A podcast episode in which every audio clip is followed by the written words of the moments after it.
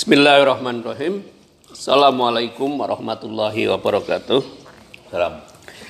Para pemirsa, penikmat dan pengkritik podcast Mutu Kehidupan di mana pun Anda berada, senang bisa menjumpai Anda. Semoga Anda selalu dalam keadaan sehat, prima, produktif, dan berdaulat.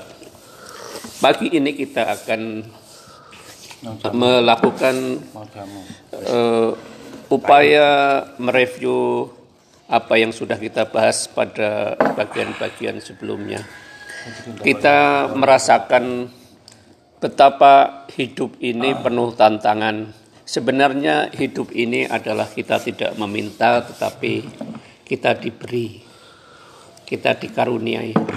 Tetapi penyikapan atas hidup ini kemudian berbeda. Ada orang yang memilih untuk ingkar, ada orang yang memilih untuk beriman.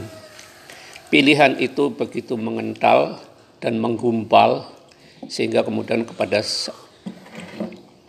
kondisi memunculkan sikap-sikap keras dalam hidup sehingga kemudian pada saat-saat tertentu menimbulkan ketegangan-ketegangan dalam kehidupan sehari-hari baik di tingkat akar rumput, menengah maupun di tingkat elit. Oleh karena itu, agama sebenarnya hadir bukan untuk memberatkan manusia, tetapi agama itu hadir dan diturunkan oleh Allah untuk menjadi petunjuk bagi manusia agar hidup manusia itu terang,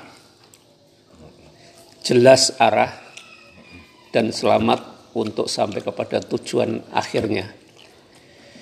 Tetapi kemudian pemahaman orang atas agama sering kali diberatkan oleh eh, sajian-sajian keagamaan yang begitu uh, memberatkan sehingga uh, umat kehilangan minat untuk melakukan kajian lebih mendalam atas agama yang diturunkan oleh Allah.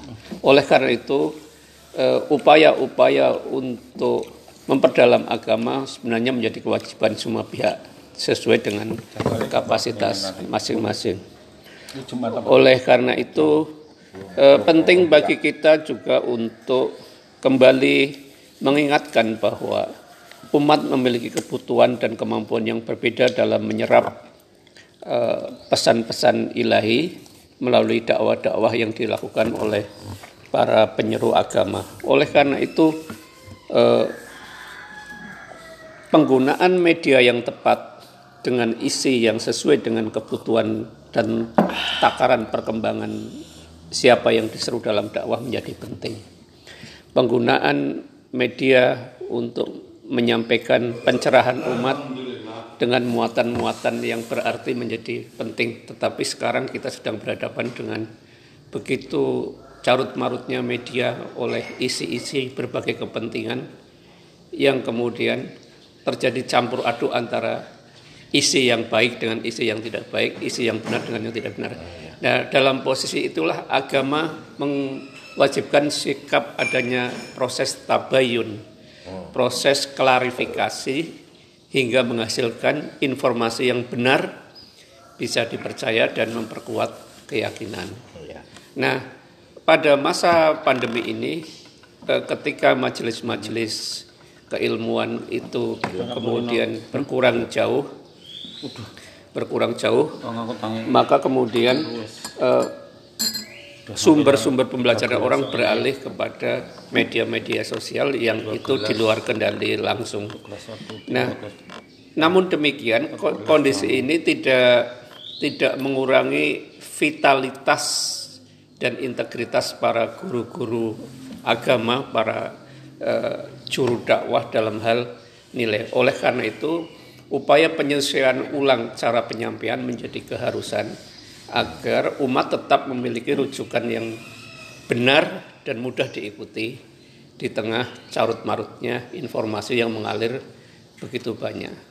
Selanjutnya, eh, kehadiran majelis-majelis keilmuan perlu ditata ulang setelah pandemi ini eh, berlangsung agar majelis-majelis itu tetap kehilang uh, tetap memiliki kredibilitas yang baik dan juga uh, peran yang baik dalam mencerahkan umat. Oleh karena itu, uh, kehadiran dan fungsi para majelis, para pengurus uh, takmir masjid di Indonesia penting untuk kemudian bersiap melakukan penataan kembali agar majelis-majelis keilmuan kembali segar, kembali segar.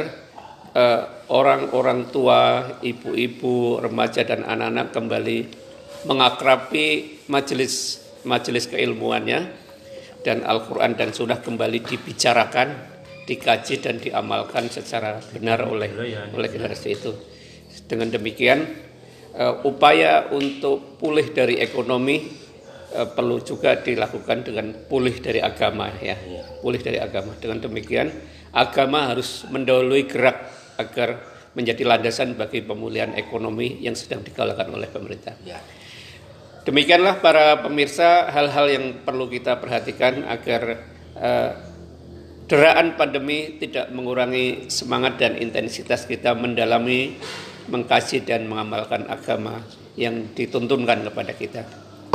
Selamat beraktivitas, semoga Anda selalu dalam keadaan sehat dan juga uh, memberikan aura baru bagi perubahan-perubahan yang ada ke depan. Terima kasih. Assalamualaikum warahmatullahi wabarakatuh. Waalaikumsalam warahmatullahi wabarakatuh. Bagi-bagi ya.